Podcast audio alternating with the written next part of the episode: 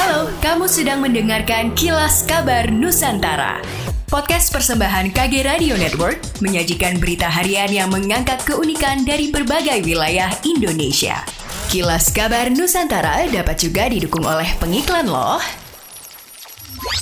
Badan Meteorologi, Klimatologi, dan Geofisika BMKG Wilayah 4 Makassar mengimbau agar 16 kabupaten dan kota di Sulawesi Selatan waspada akan bencana hidrometeorologi dalam beberapa hari ke depan. Hal tersebut diungkapkan PLH BMKG Wilayah 4 Makassar, Kamal A. Perkiraan BMKG Makassar, 16 daerah yang berpotensi terjadi bencana hidrometeorologi yakni Makassar, Maros, Pangkep, Pinrang, Baru, Parepare, Sidrap, Sopeng, Bone, Sinjai, Bulukumba, Bantaeng, Jeneponto, Takalar, Goa, dan Kepulauan Kepulauan Selayar. Karena itu pihaknya meminta seluruh masyarakat dan pemangku kepentingan untuk meningkatkan kesiapsiagaan terhadap potensi terjadinya bencana hidrometeorologi seperti bencana banjir, angin kencang, pohon tumbang, dan tanah longsor. Tim prakirawan BMKG Wilayah 4 mencatat bencana hidrometeorologi bisa saja terjadi karena ada dinamika atmosfer menunjukkan potensi peningkatan curah hujan di Sulawesi Selatan. Selain itu juga karena adanya tekanan rendah di wilayah Australia bagian utara, menginduksi peningkatan kecepatan angin dan membentuk daerah konvergensi med dan Julian Oscarlesen berada di kuadran 4. Selain diperkirakan hujan dengan intensitas lebat hingga sangat lebat, masyarakat yang beraktivitas di pesisir dan perairan sekitar Sulawesi Selatan untuk mewaspadai gelombang laut sedang 1,25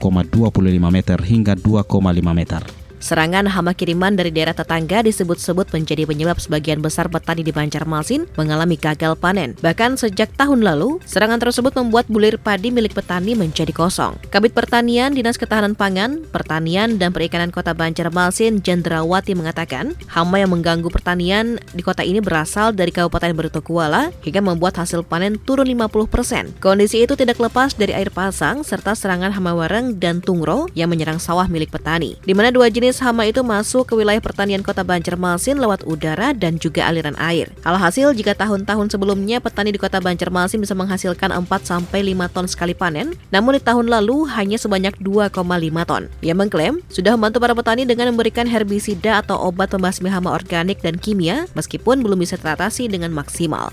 Demikianlah kilas kabar Nusantara malam ini.